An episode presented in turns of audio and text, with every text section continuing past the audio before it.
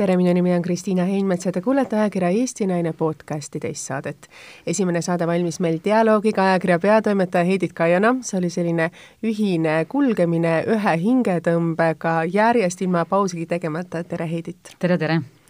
ja meie teiseks külaliseks on siis selline naine, kelle nime ma ei tahaks kohe alguses öelda, sest siis oleks kõik nagu öeldud, et aga ta sai tuntuks aastal tuhat üheksasada üheksakümmend kolm täna võib-olla Tallinna inimestele on ta tuntud kindlasti kui sisearhitekt, kes on siis teinud sellise ägeda koha nagu Parrot minibaar Eestis ja ta on ka meil sellise suurepärase imelise ettevõtmise nõukogu esinaine nagu Minu unistuste päev. imeilus ametliku sertifikaadiga Lilian Kristjanson, tere! tervist! Alustame siis oma saatega, et tere, Lilian, sinust on saanud nüüd siis selline suurepärane ettevõtlik naine, kui me mõtleme aastasse tagasi tuhat üheksasada üheksakümmend kolm, kui sina siis seitsmeteist, seitsmeteistaastase noore tütarlapsena sattusid siis Eesti avalikkuse ette, et kuidas sa nagu hindaksid seitseteist ja Eesti Miss Estonia valimistel? tead, tagantjärgi mõeldes, siis äh, see praegu tundub küll äh, endale ka, et kuidas see võimalik on, seitseteist ja Miss Estonial, aga ma olin ikkagi keskkooli viimases klassis ja tol ajal Sixtina modelliagentuuri nimekirjas. Ja kuna neil oli äh, härra Valeri Kirsiga siis minu teada mingi kokkulepe, et iga aasta tuleb äh, üks modell siis äh, Miss Tallinnale, ja keegi pidi alguses küll minu asemel minema, aga siis äh, kuidagi valiti mind ja sinna ma läksin, ega ma olin selline noor ja uljas, et ega ma päris täpselt ette ei kujutanud, mis mind seal ees ootab, aga ilmselgelt olin ma alati selline kõlava häälega ja julge ja, ja nii-öelda rinde ees ettevõtmistesse valmis minema, nii et äh, tagantjärgi üks ääretult äge aeg oli, et ma õppisin sellest ajast väga palju, ma ilmselt arenesin naisena sellel ajal väga palju, sest tol ajal ju Miss Estonia valimine ei olnud selline ühepäevane ettevõtmine, et see ikka ettevalmistused olid seal päris pikad ja põhjalikud, nagu sa isegi ilmselt mäletad. me oleme korra sellest Kristiinaga rääkinud, ma olen talt midagi sarnast küsinud Täpselt. ja siis, ja siis, ja siis me imestasime, kuidas ajastud on muutunud, et, et praegu kaks tuhat kakskümmend ja siis, ja siis Kristiina ütles ka, issand jumal, mõtle, ma kargasin trikoos laval ringi, et praegu nagu ei kujutaks seda sellisel moel enam ette, et täpselt, ma just tahtsingi Lilianilt küsida, et sa oled ju täna ema, sul on kaks äh, suurt tugevat poega ja kui üks nendest oleks tütar ja oleks seitseteist, sul mm. on poeg täna seitsmeteist aastane ja. ja ütleks, et ma panen nüüd trikoo selga, et ma lähen nüüd sinna missivalimistele, et see on, kas see hirmutav ei ole, mina emana mõtlen, et kui see tahaks minu täna veel nelja-aastane tütar teha, siis ma ilmselgelt mõtleksin kõigepealt kolm korda hingaksin sisse-välja ja siis oskaksin talle mulle ilmselt sellepärast ei olegi tütreid antud, et ma päris täpselt üldse ei tea, kuidas tütarde kasvatamine läheks, et mul, ma arvan, et minu süda ei peaks üldse vastugi sellele, et äh, aga ma arvan, et igas ajastus omad äh,, omad nii-öelda asjad, et tollel ajal oli see täielik normaalsus mm, -hmm. ei olnud mingit probleemi kellelgi seda trikood selga panna ega ka sinna lavale minna, oli õhtukleit, olid rahvariided, oli trikoo, olid äh,, ma mäletan, et mis Tallinnal ma isegi laulsin ilma saateta Raimond Valgret, et äh,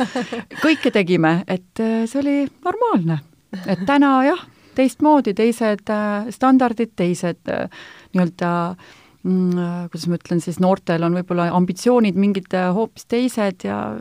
nii ongi, et igas ajastus omad asjad, et mina ise, minu enda jaoks on nagu üheksakümnendad natukene selline metsik lääs, kus puudusid nagu reeglid ja kõik, mis oli uus ja huvitav, seda katsetati, ei kardetud, ei olnud nagu sellist kartust või eelarvamusi. hästi julge ajastu oli, jah nõus, täiesti nõus, et äh, ilmselt ka noor Eesti Vabariik ja, ja kõik nii-öelda läbi proovimata, kogemata, et oli vajagi kõike teha, et äh, tänu sellele ma arvan, et ka noore ringina kiiresti arenesime ma tegelikult mõtlen, et kui ma vaatan oma, oma lapsi, et kas nagu täna nad kardavad rohkem või nendel on nagu sellised kindlamad reeglid, et meie nagu tundub omal ajal ei olnud üldse reegleid, kõik need asjad, mis me ette võtmis, võtsime, siis eh, see tundus nagu natuke utoopilisena. mina olen seda täitsa mõelnud ka, et, et, et tegelikult läks siis kõik ümberhindamisele, et, et, et nagu normid kadusid ära või norm, kõik normid läksid vaidlustamisele, mis ühtpidi oli pöörane, et, et norm ei olegi, et, et kõik, kõik on norm, et kõik võib olla norm, et, et, et tõesti see ühtepidi on pöörane, praegu on tegelikult on, eh, oleme me juba nii stabiliseerunud või noh, nagu nii selge ühiskond, et, et, et et normid on väga selgelt paigas, et selle, nii ei teha või, või nii tehakse, et, et ja tegelikult äh, oleks parem, kui, kui, kui nendest kinni peetakse, aga tookord oli see jah, täiesti, kõik läks liikvele, kõik normid läksid liikvele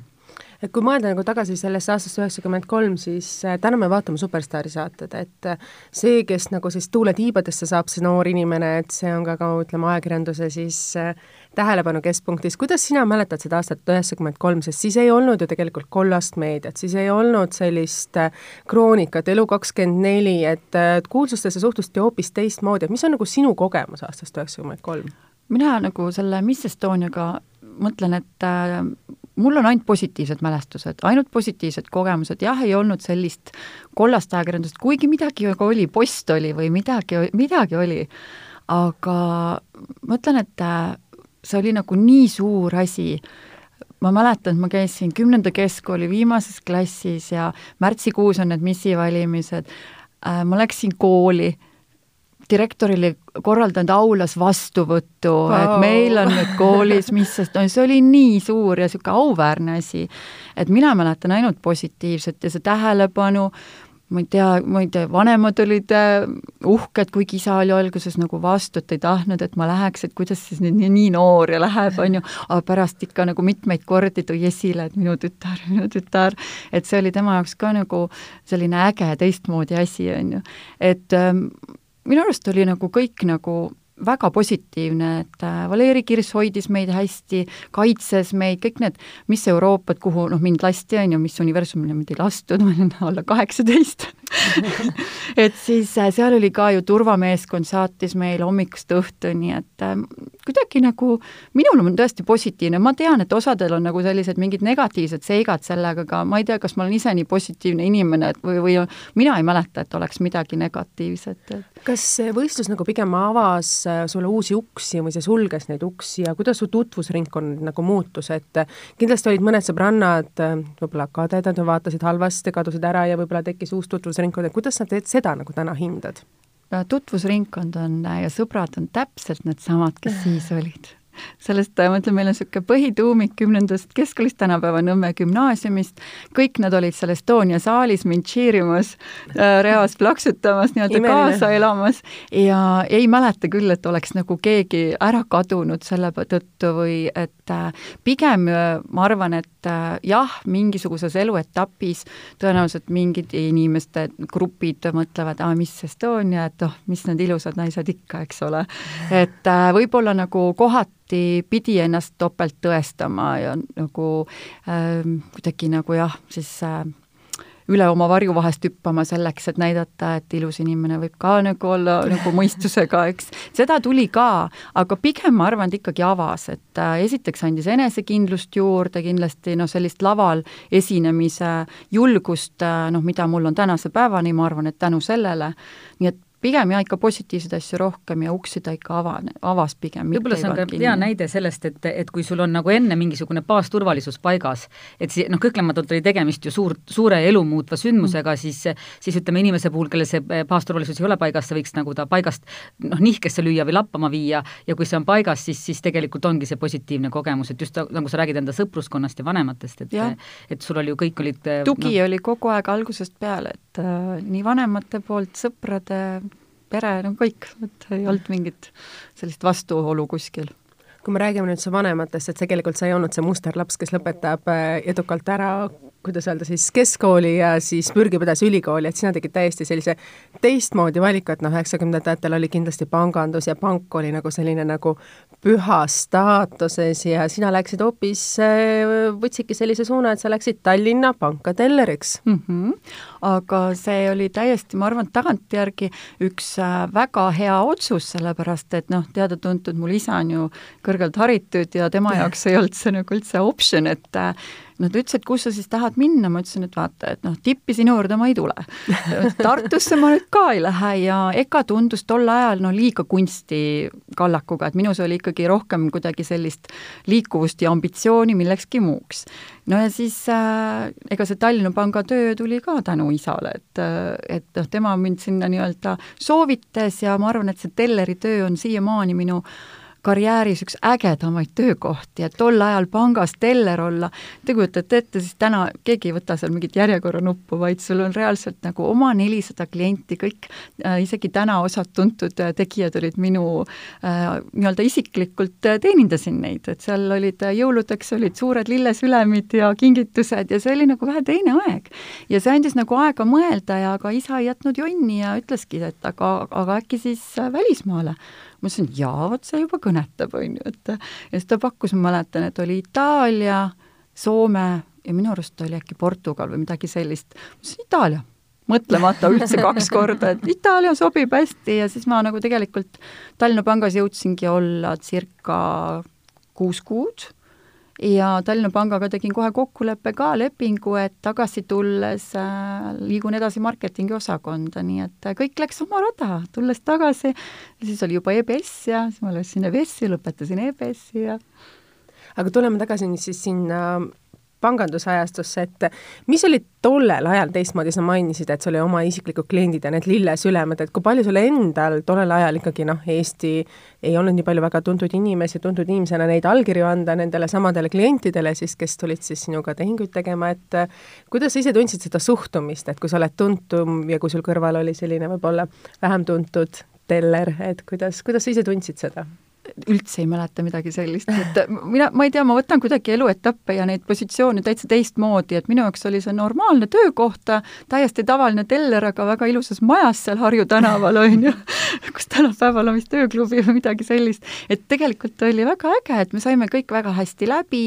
äh,, Tallinna Pank oli väga suur pank, lõppkokkuvõttes ma sinna marketingi osakonda maandusingi ja tegin vist viiesajale töötajale üle terve Eesti äh, igasuguseid üritusi korraldasin ja noh, ma ei mäleta, et oleks kuidagi teistmoodi olnud, et äh, aga see seriaal Pank, et on see sinu jaoks tõepärane? sest see on täpselt seesama ajastu, et äh, ma sain aru, et seal on mingi teine pank oli selleks aluseks võib-olla vist ja seal on, seal oli kindlasti kõik teistmoodi ja,. jah, jah, kõik olid, ei, ei, ei suhestu nagu sellega niivõrd, on ju jah, et äh, kuna ma olin, äh, käisin nii-öelda tööl ja, ja samal ajal ka õppisin ülikoolis, et siis minu päevad olid nagu hommikust õhtuni täis muid tegevusi. kui me mõtleme nagu tollele ajastule peale, et tollel ajastul tagasi, et täna emana, kui su poeg ütleks, et vaata peale keskkooli, et ma nüüd ei taha ülikooli minna, ma tahan tööle hoopis minna, kuidas sa emana sellesse suhtuksid? ma arvan, et ma suhtun, proovin vähemalt suhtuda, ma ju ei tea, kuidas ma sellesse suhtun, kui see reaalselt käes on, oleme realistid. aga ma usun, et ma olen nagu äh, poistega nagu nii palju äh, rääkinud ja arutanud seda teemat, et äh, nad ise ka on päris teadlikud, rohkem võib-olla isegi kui meie omal ajal. et nad teavad, mis on haridus, kui tähtis see on, et suurem poiss lõpetas mul isegi nii-öelda võistlusspordi sellepärast ära, et tahtis saada oma keskkooli tagasi, aga kui nad nüüd äh, teeksid otsuse, et äh, tahaks näiteks peale keskkooli võtta aasta vabaks või minna näiteks kuskile välismaale või kas või sõjaväkke, siis see on okei. okay mina nagu toetan nende valikuid, aga nad teavad, et äh, noh, meie peres on see haridus nagu hästi oluline ja, ja see taust, et et ma usun nagu, et ma nagu usaldan neid piisavalt, et nad jõuavad ise sinna, aga, aga noh, still, minu jaoks on kõige olulisem, et nad on õnnelikud ja ei ole ma survestanud ei siia ega tänna, et et ma arvan, et noored peavad suutma ka oma valikuid kuidagi ise tegema, meie osakaal on lihtsalt seda suunata nii-öelda natukene. milline ema sa oled oma laste jaoks? Seda peaks vist nende käest küsima aga ei, ma arvan, et nagu äh, väga, väga okei okay sinust, et äh, suurem poiss ütleb mulle küll vähemalt kord nädalas, et sa oled nii äge ema. ma arvan, et see on kõige suurem oh, kompliment, on ju. et kui lapsed ise ja, ja ma mäletan, kui ma käisin suurema poisi koolis rääkimas just karjäärivalikutest nüüd keskkoolis ja Äh, et siis ta alguses küll hirmsasti nagu muretses, et kuidas sa ikka tuled sinna kõigile rääkima, ütles, et ära muretse. ja peale seda nii-öelda, kui ma ta klassiga olin rääkinud äh,, läbi viinud selle õhtu või päeva, siis ta tuli ja ütles, et tead, poisid tulid, ütlesid, sul on nii äge ema nii et ma arvan, et äh, okei okay,, et ma olen piisavalt range, piisavalt äh, sõber, piisavalt ema, et ma üritan olla selline tasakaalukas eeskujuks meile kõigile, kes me kõik üritame ja püüame me kõik neid, üritame, just. täpselt, kõiki neid rolle täita, aga alati ei õnnestu aga minnes sinna Itaalia perioodi tagasi, et äh, sa olid ikkagi siis ju kaheksateistaastane noor tütarlaps, kes läks üksinda Itaaliasse, tollel ajal ei olnud peredega harjutud reisima nooruses, vaid ikkagi välismaale minek oli midagi suurt, eriti ülikooli, midagi natukene ekstreemset. kuidas sa seal hakkama said ja kuidas oli see elu seal? Ütleme nii, et äh, väike kultuurishokk tuli kindlalt. Mm. et meie mis, nagu mis ühiskonnas just selline, no meie ühiskond ja siis kohe Itaaliasse,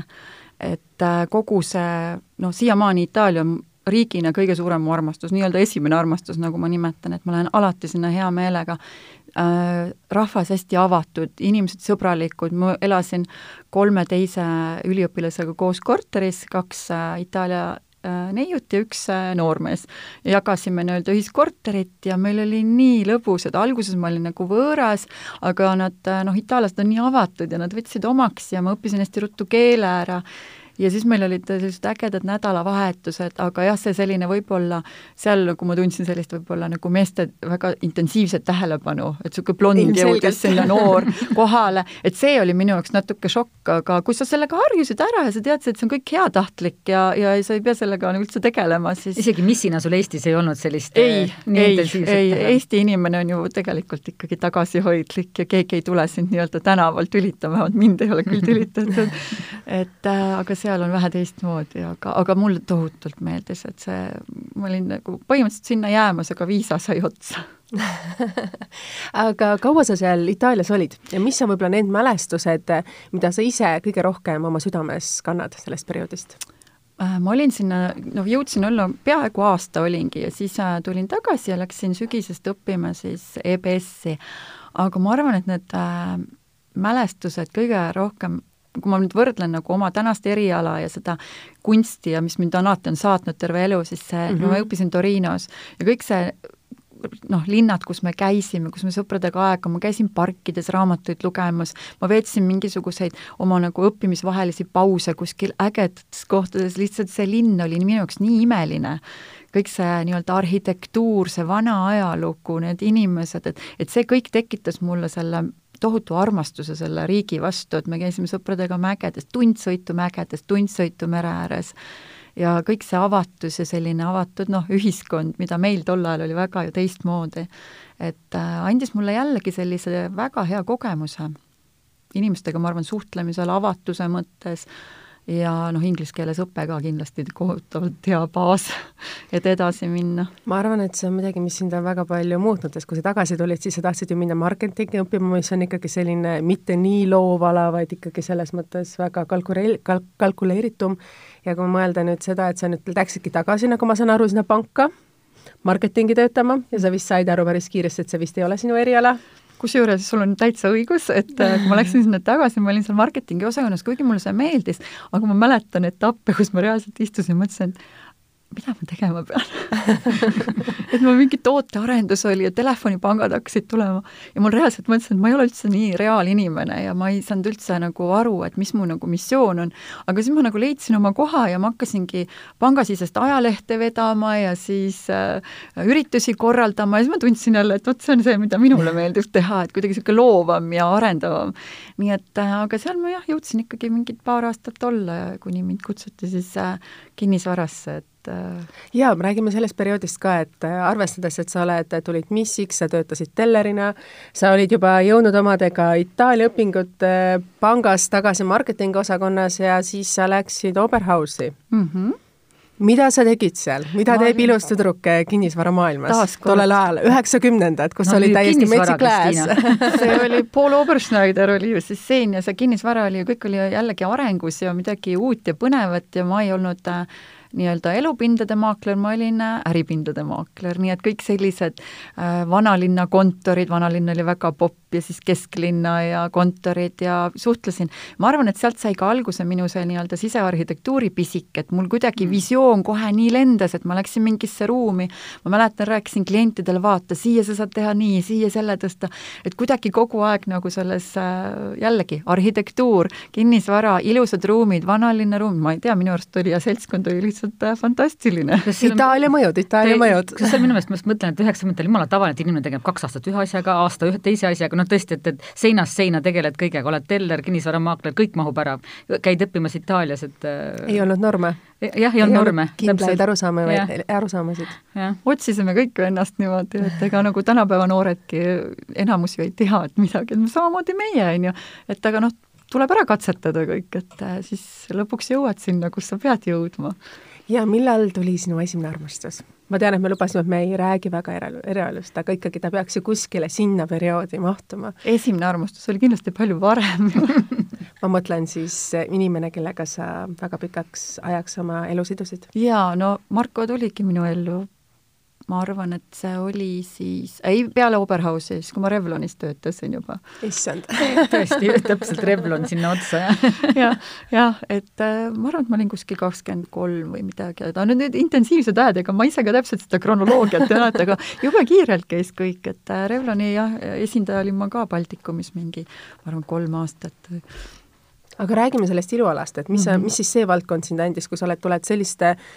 hoopis teistsuguste taustaga pangandus,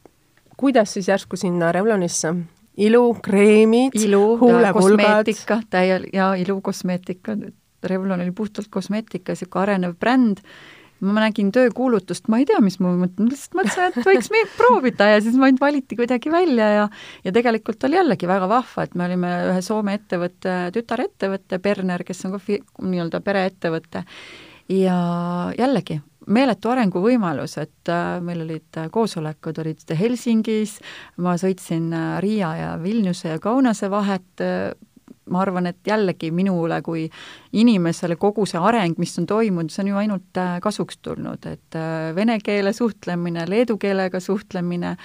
kõik need nagu äh, erinevad äh, inimesed, kellega sa kohtud ja müük mulle iseenesest meeldis, et nii et sa oled müügiinimene, sulle meeldib müüa äh,? Kui ma usun sellesse, jaa siis ma, jaa, ma pean ise maha. uskuma millessegi, et, et ma nagu sellist, nagu ma ei ole selline müüja, et ma lihtsalt hakkan midagi müüma, et sellest ma olen aru saanud, aga aga sama nagu sisearhitekt, et tegelikult, mida ma ka noortele ütlen, kes mul töövarjuna käivad, kes tahaks seda eriala õppida mm, -hmm. et äh, sellest ei piisa, kui sa oled lihtsalt nagu väga andekas ja loov äh,, sa pead suutma ka oma ideed maha müüa, reaalselt ju et kui klient ei, ei usu sellesse, mis sa teed või mis sa talle pakud, siis noh, sellest head äh, lõpptulemust ei tule, et äh, sa võid olla väga andekas, aga kui sul sa ei suuda seda väljendada või endast välja öelda, nii-öelda sõna otseses mõttes müüa, siis siis on sellest sinu tööst vähe kasu ja kuhu sinna vahele siis Eesti kõrgem kommertskool mahtus? see oli ju tollel ajal see ülikool, kuhu kõik tahtsid minna, kõik pidid, pidid saama, et see oli iga Tallinna tüdruku mõnes mõttes unistus, et Tehnikaülikool, nagu sa ütlesid no mul oli isa seal, ma ei tahtnud minna, ma arvan see tundus liiga tehniline aga EBS oli ju ole-, ma ei mäleta, millal see asutati ja kui ma Itaaliast tulin, oli see olemas ja mul oli lihtne oma ainepunktid üle viia Aha. ja jätkata nagu nii-öelda rahvusvahelise äriga, nii et aga jällegi äh,, täna ütlen, et äh, suurepärane valik, et äh, kõik asjad loksuvad kuidagi paika. et ma arvan, et see nii-öelda äh, ettevõtte äritaust, äh, kõik see, mis ma teinud olen, on, äh, aitab mind jälle sisearhitektuuris, et just see, et miks, kui ma lõpetasin sisearhitektuuri äh,, ma teadsin, et ma loon kohe oma ettevõtte, et ma ei lähe kellegi alla tööle, et see on see minu tee kas sina, sina oled ka EBS-is õppinud, kas ja. mitte? just. ja sul on, ma saan aru, ka sõpruskond sealt hästi palju, siiani nagu? Äh, mul on mõned nagu tuttavad, aga kahjuks ma olen kaotanud nagu suurem osa siiski kontaktidest nendeks, et elust on juba nii pikka aega möödas, et pigem on mul Concordia ajast nagu need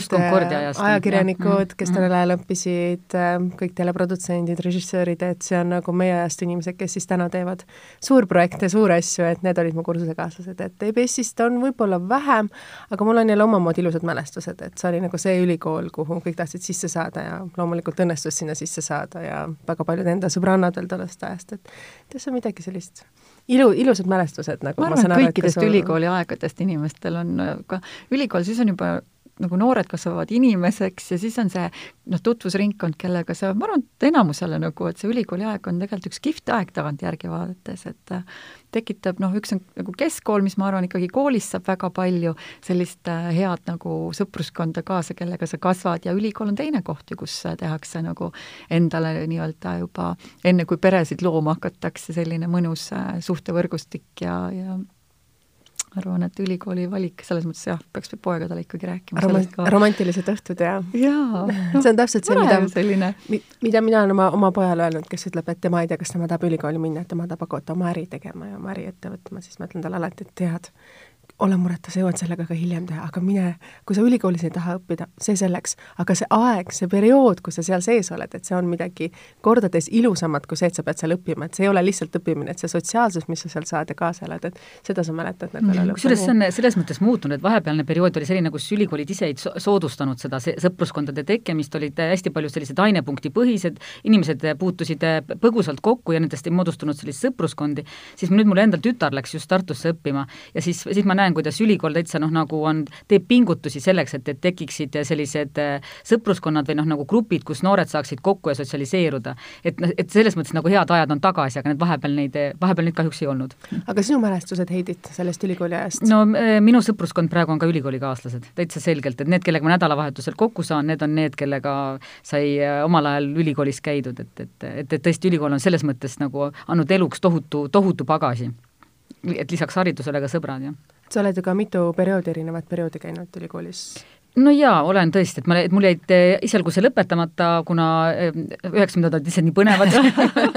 oli vaja kõike muud teha, on ju. et eh, eelkõige ajakirjandust, kui ma õppisin ajalugu, et siis ma läksin tõesti tagasi ja lõpetasin, aga see oli väga tehniline, et see lõpetamise protsess oli tehniline, et, et pigem see, ikka see üheksakümnendate esimese poole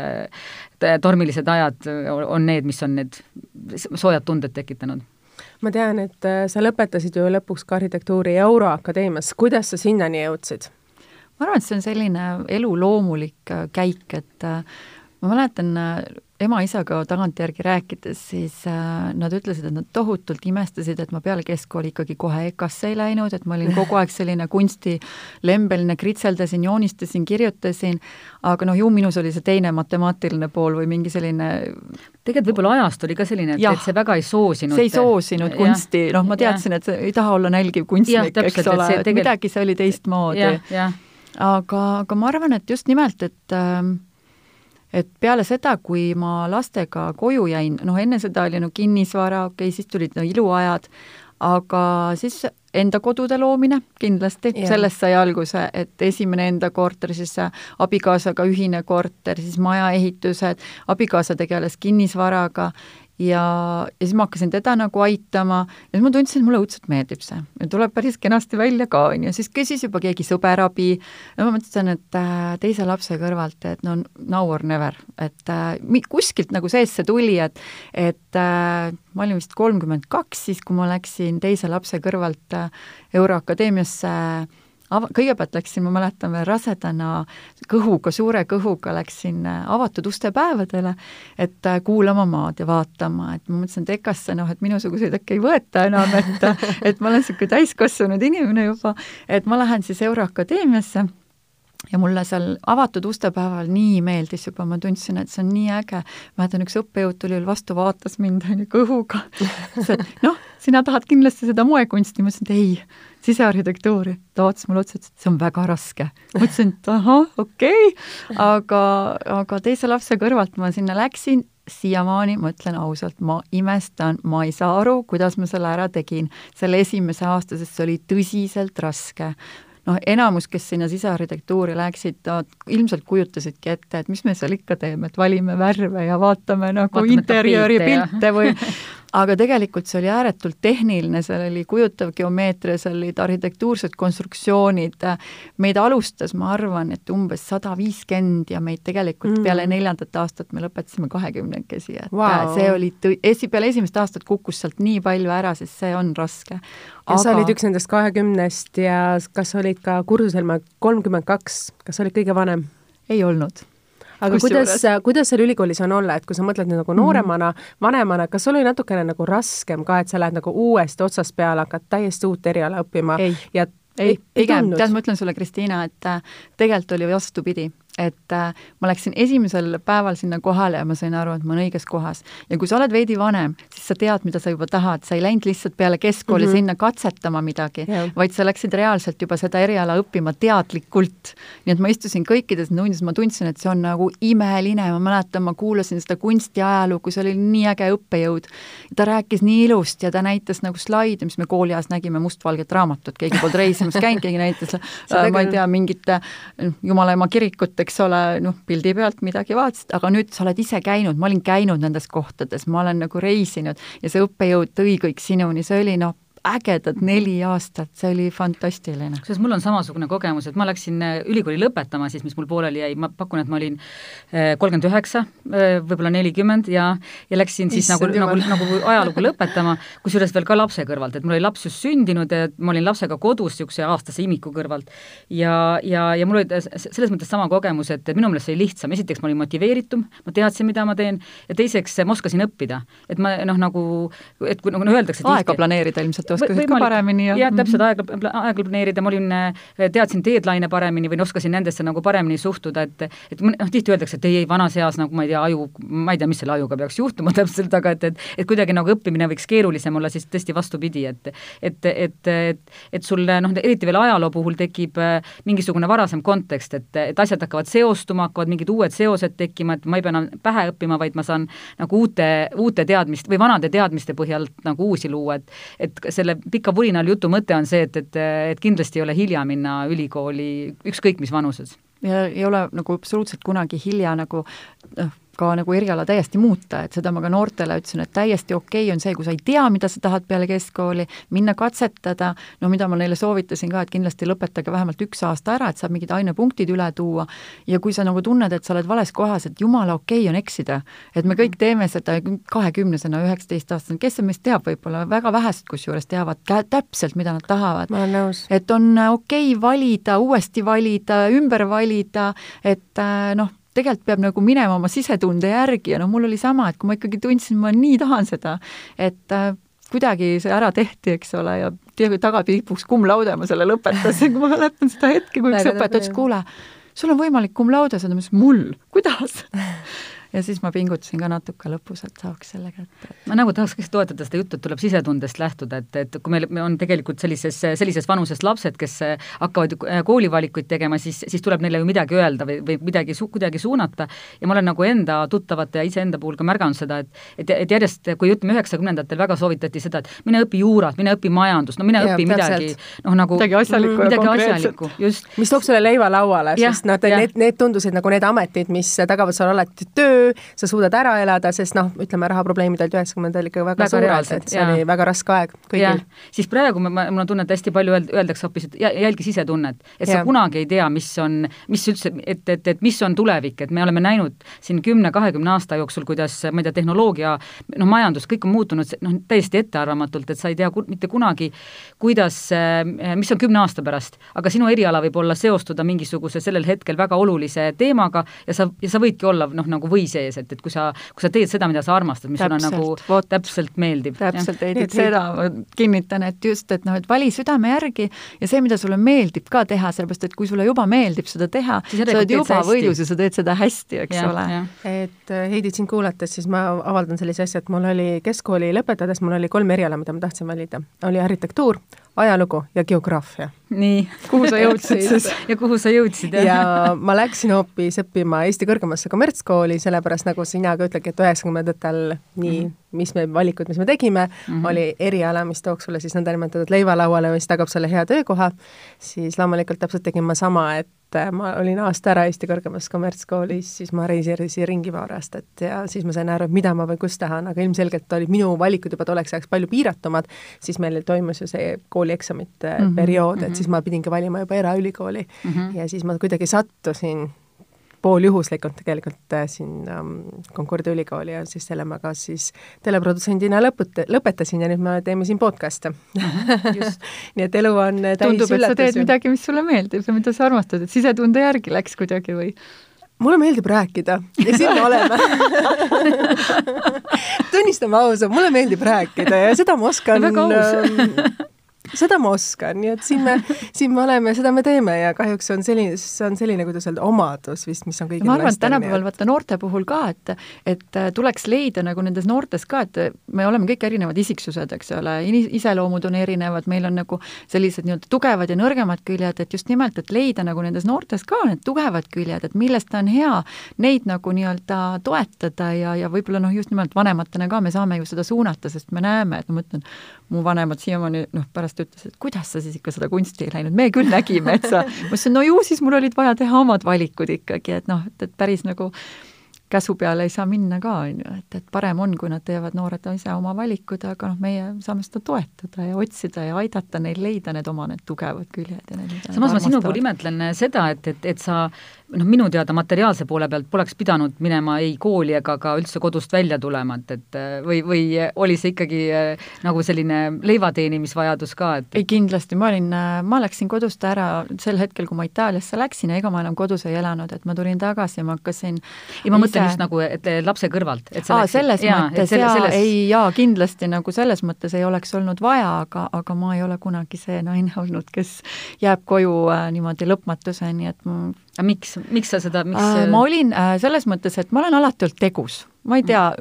osadele sobib nagu see, ilmselt see kodus istumine ja ma olin kümme aastat peaaegu poistega kodus, et ma, ma olen hästi nagu selline äh, südamega asja juures. projektipõhine? Äh, ma, ma ei tea, ma ei tea, kas ma projektipõhine, et ei olnud nii, et ma nüüd hakkame lapsi tegema, see on projekt, on ju, vaid et et ma teadsin, et, et see on nii väike aeg, kui poistega olla ja ma jäin sellest hetkest, nagu tegelikult ma olin juba ennem kodus, on ju, ja ma tegin selle otsuse täiesti kindlalt, et ma olen kodus, et ma ei lähe kuskile, ma olin äh, suurema poisiga nii-öelda kolm aastat, kuni ta läks lasteaeda, siis tuli teine poeg ja olin temaga ka ja noh, õppisin selle kõrvalt. aga nii, kui olid poisid mõlemad äh, lasteaias ja minul kool lõpetatud, tehtud, nii ma tundsin, et noh, et ma ei ole see nii-öelda kodu, ma ei tea, preili või proua või -hmm. et äh, noh, liiga võib-olla ka nagu selline tegus või mulle meeldib see eneseteostus. kui raske või lihtne oli sealt kodust välja tulla, et üks asi on, sa läksid sinna ülikooli, oma ettevõtte loomine, et äh, mis on see inerts või see asi, mis sulle sind edasi lükkas, et sa saaksid hakkama, sest ma arvan, et magamata öid, patt ja nutetuid õhtuid oli ikkagi väga palju, ma arvan. seda ma ei mäleta, et ma nutnud oleks, aga magamata öid oli küll väga palju, ma ütlen, et kuidagi ma läksin äh, kooli mingisugusel päevasel ajal, meil olid seal võimalik valida, panin väiksema poisi magama õue, õnneks ma ütlen, et see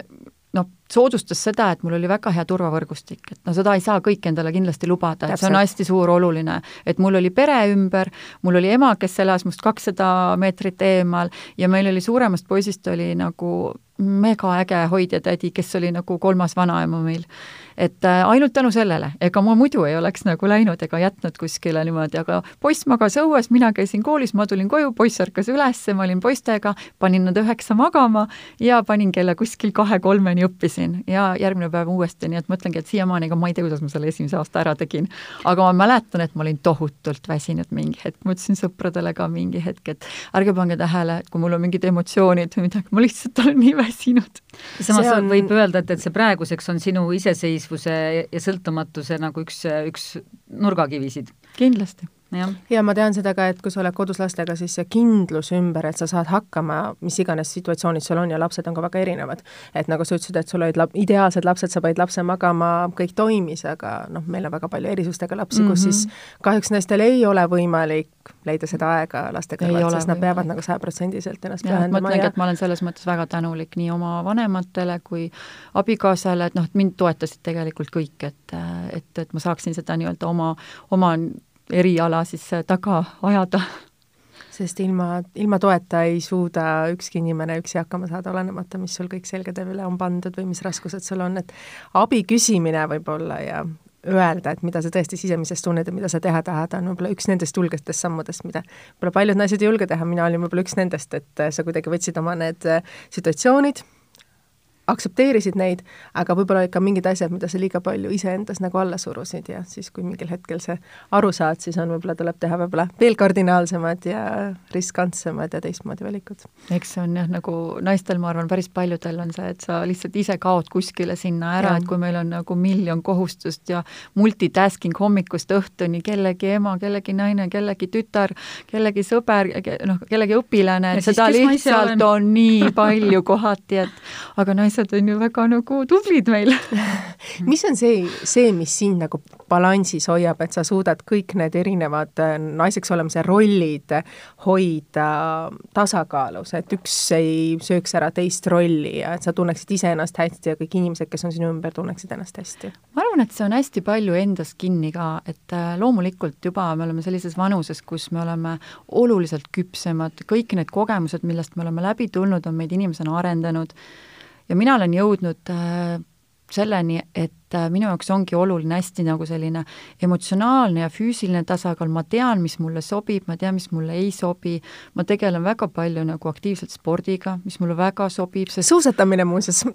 sellest ma alustasin, ma mäletan oh. ja, ja siis, kui olid poisid väiksed ja ma mäletan, vaata peale sünnitusi on ju naise keha ja organism nii nõrk, et ma, vist võtsin kõik haigused külge, mis vähegi oli võimalik. ja siis ma otsustasin, nii, nüüd aitab. ja ma mäletan, et ma läksin talvel peale viimast haigust, läksin AT Sporti ja ütlesin, palun mulle suusad ma polnud kakskümmend aastat suusatanud. nagu murdmaasuusad siis? jaa. Nad ütlesid, et, et millised, ma ütlesin ikka need klassikalised, ma pole uisku teinudki üldse keskkoolis, et ma lõpetasin klassikaga, ma alustan taas ja siis ma sain suusad ja ma hakkasin seal oma Harku metsas käima ja sinna ma nagu jäingi ja peale seda tulid jooks ja, ja ma ütlen, et ma olen siis nüüd väga, väga sportlik, ütleks niimoodi, et kõik mitu korda nädalas sa käid trennis, palju su, palju sa tunned, et su keha vajab seda? Äh, ma ei tea, kas ta nii palju vajab, aga nüüd ma just täna nagu poistele trennis ütlesin, et mul on keha vist väsinud natuke, et see nädal ma olen iga päev käinud oi, oi, oi sest ma käin ka iga päev jooksmas. Mina siis pean tunnistama, et mina iga päev vist ei ma jooksmas ei käi, ma käisin siis, kui koroona tuli ja siis, kui kõik pandi lockdown oli, et nagu hallid kinni, saalid kinni, et siis ma käisin tõesti palju jooksmas, et et see nii-öelda värskes õhus äh, sport on alati, kuidagi vaata see, noh, sa küsid, mis tasakaalu see hoiab, on ju, et see metsa minek, endaga mõtted, jooks, suusatamine äh,, sellised äh, alad nagu need äh, toovad selle balansi või selle hetke endaga, noh teine asi on, eks ole, meditatsioon, no sellega ma tegelen ka, et äh, näiteks igapäevaselt, et võtan endale aega ma alustan päeva nagu meditatsiooniga, ma nagu juba laen ennast positiivselt selleks päevaks, ma väga tegelen sellise tänulikkusega, mille üle nagu tänulik olla elus. Ja tegelikult see on nagu, kui sa alustad sellega, siis äh, võib-olla nagu tulevad mõned asjad, aga kui sa jätkad, jätkad, jätkad neid, see, mille üle nagu tänulik olla on nii palju ja ma arvan, et noh, inimestel noh, igaüks leiab endale oma, et minu jaoks ongi see sport, meditatsioon mingisuguses nii-öelda mõistlikus koguses, sporti oluliselt rohkem muidugi. Kas on see, et see midagi enda jaoks teha ja leida see oma hetk, oma aeg selle, selle asjaga, mis sind nagu loeb, see on, on hädavajalik inimestele, ma arvan, et see oleks kõigile, et nagu kui inimene või naine just, eks ole, ma meestest ei oska rääkida, nemad kindlasti mõtlevad teistmoodi kui naised, et see hetk, see aeg iseendale on meil naisena ääretult oluline, et ma tean, et seda on raske leida, absoluutselt saan aru, mul on ka kaks poega, on ju, maja testosterooni täis, eks ole, hommikust õhtuni, aga see on võimalik, et noh, tegelikult on kõik jällegi prioriteetide küsimus ja tõesti, nagu sa enne, Kristiina, just ütlesid, et et see abi küsimine ka, et kui sa tunned mingil hetkel, et no ma ei jõua, et ma ei saa hakkama enam, on ju, et siis äh, tegelikult on väga okei okay abi küsida, et ikka on neid inimesi, et noh, keegi ütleb pärast ka, miks sa ei öelnud, eks ole. miks sa ei tulnud mu juurde rääkima, ma oleks ju võtnud lapsed või midagi teinud, et et see just see abi küsimine, ma arvan, et see on ka hästi oluline ja kusjuures, kusjuures seda ei, ei tohiks jätta viimaseks hetkeks, sest ja, et siis on risk, et siis on juba hilja, siis on juba hilja just, et sul pole enam jaksu isegi sõnastada, mil, mis abi on vaja, et, et ja et... me oleme naisena, ma ütlen, ja emana palju ägedamad ja paremad ja tasakaalukamad, kui äh, meil on see aeg iseendale, et ma tean, et noh, tõesti võib-olla mõnel ei ole võimalik seda ja aga... võib-olla see on oskus ka oma sisetunnet nagu kuulata. et äh, nagu ma ütlen, need üheksakümnendad, mis oli kõige see metsik lääs, siis sa võtsid kõige, kõigepealt kõik muud tähtsad kohustused enda jaoks, et see, mida sa nagu sisemiselt tahtsid, et see oli nagu tagaplaani peal, nii nagu ka teie olete mõlemad öelnud seda. ehk siis oligi nii, nagu see eluratas sul läks, see läks mööda seda ilma mõtlemata võib-olla, mis on nagu sinu enda kutsumus, mis on sinu enda mõte et kui sa seda ei suuda endale sõnastada, siis eh, kuidas sa seda välja ütled ja kuidas oskavad kolmandad osapooled või teised inimesed, kes on sinu ümber näha, mida sina tegelikult inimese või naisena või emana või abikaasana vajaksid mm. -hmm. ma arvan, ma arvan, see, no räägi. jah, et ma, ma mõtlen ka, et hästi oluline tegelikult on see, mis, missuguses vanuses see eh, näiteks lapsed tulevad ja see, ja püsikontakt luuakse, et, et võib-olla võib, võib, võib olla juhtunud, et, et inimene pole iseendaga veel selleks ajaks kontakti jõudnudki, et mm., et ma ei teagi, kes ma olen. ma ja tahtsin siis... sama öelda, et ja. just see küpsus, mis meil tuleb, et kahekümneselt sa ei teagi, mida sa vajad võib-olla mm -hmm. ja Mhm. tahad ja ja jaksu ja energiat on ju nii palju, et noh, ma saan ju kõigega hakkama loomulikult. täpselt, see on see tubli tüdruku kuvand, mis meil oli seal üheksakümnendatel. see on meile kuskile ju pandud, eks ole, et noh, peame olema tublid ja me olime ka tõenäoliselt, eks ole aga siis mingi seda... hetk me hakkame mõtlema just teatud vanusesse jõudes, et mis on oluline, mis on mulle oluline, kuidas ma saan nagu olla nagu just, nagu sa ütlesid, et parem nagu ka nagu oma lähedastele, oma sõpradele, et sa oled ise nagu terviklik ja terve inimene. et sa pead leidma selle tasakaalu, et ei ole mõtet ka enam rapsida, kus sa rapsid? -hmm. just, ja siis selle vanusega tuleb mingisugune suurem rahulolu. aga see, mis ma tahtsin tegelikult öelda, me oleme seda toimetuses arutanud ka noh, ka esikaane valikute puhul, et, et, et näiteks see, et meie lauljad, naislauljad tihti on sellised head tüdrukud, et nendel, pahasid tüdrukuid ei ole. et kelle, noh, kellega ke,, kellelgi ei ole mitte midagi elus nagu kunagi halvasti. aga, ja, ja, ja samas me kõik saame aru ju, et kindlasti kusagil taustal, no see ei saa olla võimalik, et, et läheb aasta, teine, kolmas, kümnes ja kõik on alati kõik päike paistab kogu aeg, et, et et see päris kindlasti nii ei ole, aga see on nii huvitav, et, et ka näiteks et, et kuidas meie naislauljad loovad iseendast sellist tub-, tubli tüdruku kuvandit, et, et alati on kõik hästi, kõik, kõik, kõik on hästi võib-olla pigem see on julgus välja öelda, et ma ei saa mingisuguste võib-olla detailide või asjadega hakkama ja et julgust on vaja võib-olla, ma arvan, pigem nagu rohkem ja julgust ka võib-olla iseendale tunnistada teatud detaile. vot, vot huvitav, et, et nõrgaks olemiseks on vaja jõudu no ja. on ju, et, et et on vaja julgust ja jõudu selleks, et olla nõrk pigem julgust seda, et sa ju julged välja öelda, mida sa päriselt mõtled, et pigem meie ühiskond on ju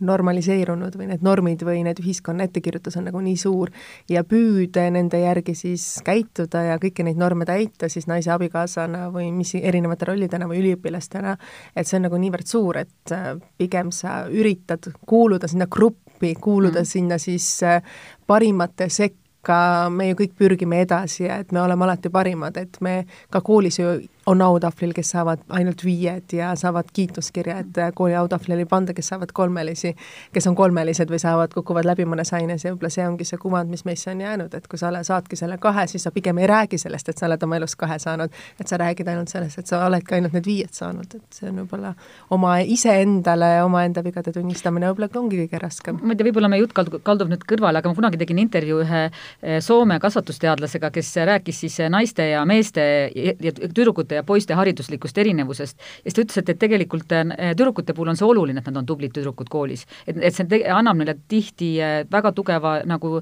edasimineva jõu kogu eluks ja samas äh, poiste nagu hakkamasaamine koolis ei määra nende edasises elus sageli mitte midagi. või, või vähemalt siiani see niimoodi on, on olnud, ma ei tea, võib-olla praegu on ühiskond mingisuguses muutusetapis, aga aga ma julgen arvata sedasama siiski, et, et, et see on, see, see millegipärast on jah erinev. no kui me mõtleme, ma arvan, oma keskkooliaega tagasi, siis need, kuidas öelda siis, neid rumalusi tegevad poisid, kes siis said pidevalt sugeda või kas või võtame Tootsi sellest samast yeah. Oskar Lusso romaanist, on elus, said palju paremini hakkama tegelikult ja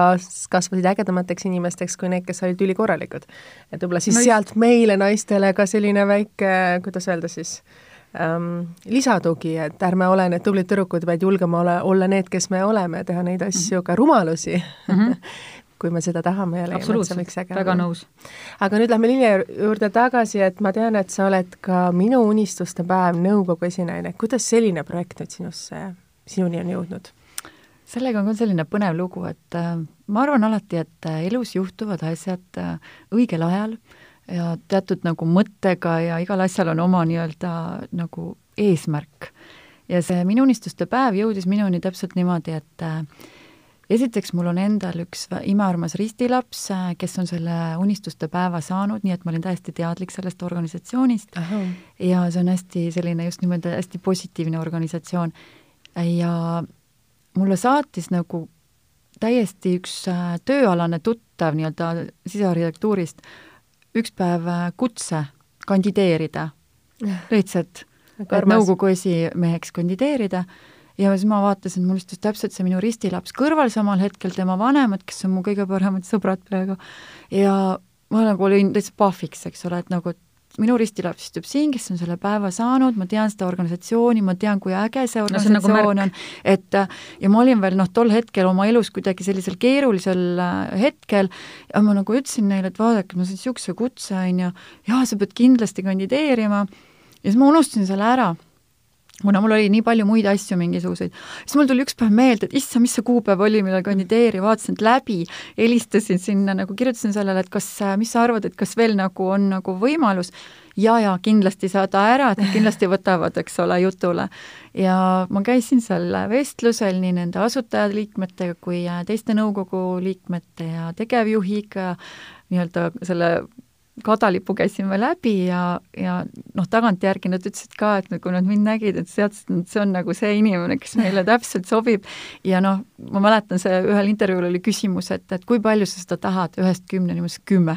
et no ma, ma, ma olen kogu aeg mõelnud, et teatud jällegi, kui me jõuame mingisse vanusesse, et see nagu tagasiandmine ühiskonnale, et see on nagu oluline, et see on nagu selline rewarding ka endale või et see on nagu kahesuunaline tee ja see organisatsioon lihtsalt on nagu mind kõnetanud alati, alati, et on nüüd nagu selline heatahtlik, et on positiivsusele rajatud just nimelt, et noh, me toetame ju ääretult niimoodi raskelt haigeid või krooniliselt haigete laste unistusi. Me ei kogu mingit raha mingitele aparaatidele, vaid äh, mille nomineeritakse lapsi, nomineerijateks on äh, erinevate lastehaiglate, kliinikute arstid ise, et kes on nii-öelda just nimelt kas väga kaua haiglas olnud või on, või on väga noh, kellel on just seda emotsionaalset tuge vaja ja me, põhirõhk ongi sellel, et me täidame nende laste nii-öelda personaalseid unistusi ja tavaliselt kuna noh, sellised rasked haigused või see hõlmab terve pere, siis selle unistuste päeva saabki terve pere.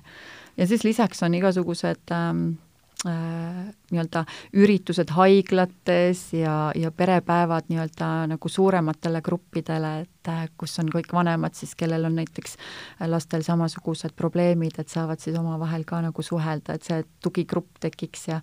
et äh, see tuli minuni ja ma olin nagu niimoodi, et noh, see on märk ja, ja mina, mina nagu soovisin seda ja, ja nendele ka ilmselgelt sobis ja nüüd ma olen seal üle aasta olnud ja ma ütlen, ma olen ääretult tänulik, et kes, kelle igane poolt see saadetud oli, see märk ja ja, ja sellele inimesele, kes selle kutse saatis, et jällegi ma tunnen, et ma olen õiges kohas õigel ajal, et teen seda, mis on nagu südamele hea ma imetlen su julgust, et sa julged kandideerida, võtta vastu selliseid väljakutseid, et sa ei karda ebaõnnestuda, et vaata, mingil hetkel mingis vanuses sa ei julge enam kandideerida, sa ei julge enam, kuidas öelda siis, neid CV-sid saata või äh, võtta endale uusi väljakutseid vastu, sest sa kardad ebaõnnestuda, et sa natukene nagu oled midagi elus saavutanud, aga edasi minna või uuesti hakata otsast peale, et paljudes on see kartus sees, et kus sa selle julguse leidsid, et ma nüüd kandideerin, aga kui see ei õnnestu sul, et kui sa ebaõnnestud, et kuidas sa oleks siis sellesse suhtunud? ma vist arvan, et see on mingi geneetiline mul, et mul väga palju ei ole üldse elus olnud asju, et mida ma nagu kardaksin. et noh, ebaõnnestumine on sama loomulik kui õnnestumine, et kõik need inimesed, kes on milleski õnnestunud, on tõenäoliselt enne seda kümneid, sadu kordi ebaõnnestunud, et et iga ebaõnnestumine näiteks võib ju ka olla nii-öelda sulle kogemuse võrra jälle noh, kuidas sa seda võtad, kas see on ebaõnnestumine või sul on kogemus ja võtad sellest õppust ja lähed edasi. aga see jah, organisatsioon, et äh, ma arvan, et see seal on ka nagu tahe, meie kogemused, et noh, nõukogu on ju ka nõuandva rolliga rohkem, et me ei ole igapäevase tegevuse juures. Ja seal on ääretult erinevad inimesed nõukogus ja ma arvan, et see on selline asi, mis äh, lihtsalt sellel hetkel nagu, kui neile sobib, siis ja mulle sobib ka, et siis nii on hästi. võib-olla nüüd oleks aeg, kui me hakkaksime oma saadet siis kokku võtma, et kell on nii palju, tund aega oleme vestnud siin, vestelnud siin omavahel, aga see julgus ja see entusiasm, mida sina, Liliad, oled meile siin jaganud, on nagu uskumatu, et kunagi ei ole aeg, alati on aeg alustada otsast peale, mitte kunagi pole liiga hilja, tuleb leida lihtsalt see julgus enda jaoks, sest ebaõnnestumine kümme korda tähendab seda, et üks kord sa võidad. nii et tõmbame saate kokku, taas tuleb tõdeda, et meil on selline Pauligi reklaamiaeg olnud, et ja juttu jätkub kauemaks ettevõtlikkus on olemas meis kõigis ja tuleb julgeda teha elus kannapöördeid ja õppida ujuma vastuvoolu ka ühiskonna erinevatele reeglitele. õnn on kõik meie enda kätes. nii et tänan sind, Heidit, suur tänu, Lilja, et sa leidsid aega, et siia tulla, aga enne ma kingin teile sellised asjad, mis mul tütar joonistas eile õhtu, kui ma valmistasin saadet ette, et näete, südamed, et äh, sinule palun. kui armas ole. kui äge, aitäh. südamed, roosad ja lillekesed, nii et mm. Ähm, selline natukene midagi emotsionaalsemat. ja meile emadele tuletan meelde, et aeg on varuda komme,